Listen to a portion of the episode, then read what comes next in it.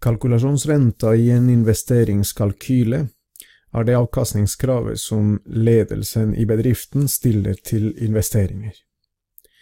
Eh, grunnen til at det er viktig å stille krav til investeringer, er at, eh, at eh, det skal lønne seg å bruke bedriftens kapital og ressurser hvis man skal investere i noe, eksempelvis maskiner og utstyr.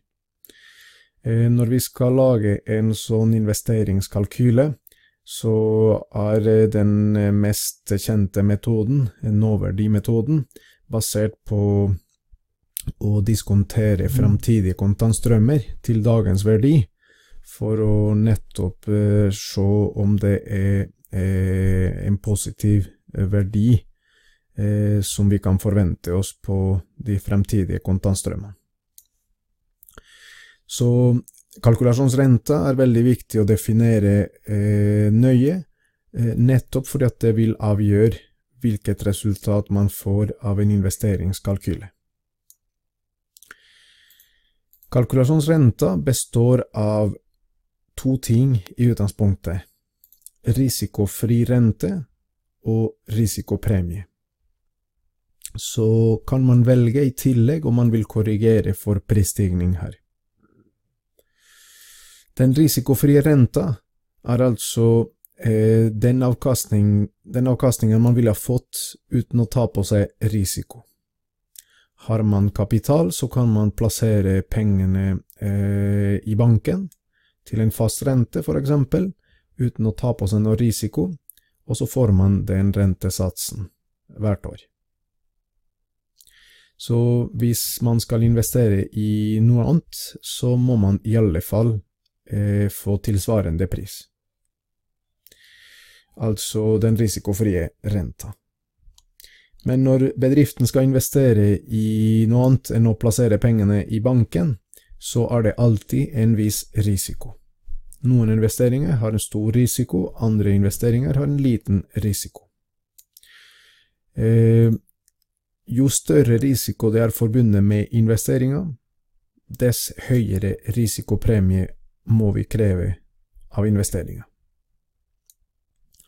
Så dette har en selvstendig vurdering som eh, man må gjøre i hver enkelt tilfelle, eh, avhengig av risikoprofilen.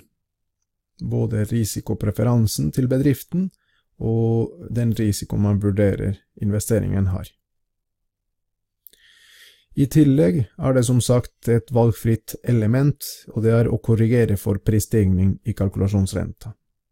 Det som er veldig viktig, er at hvis man velger å korrigere for prisstigningen, at man da opererer i kontantstrømmen med dagens priser. Altså man bruker prisene i dag i hele kontantstrømmen i prosjektets levetid.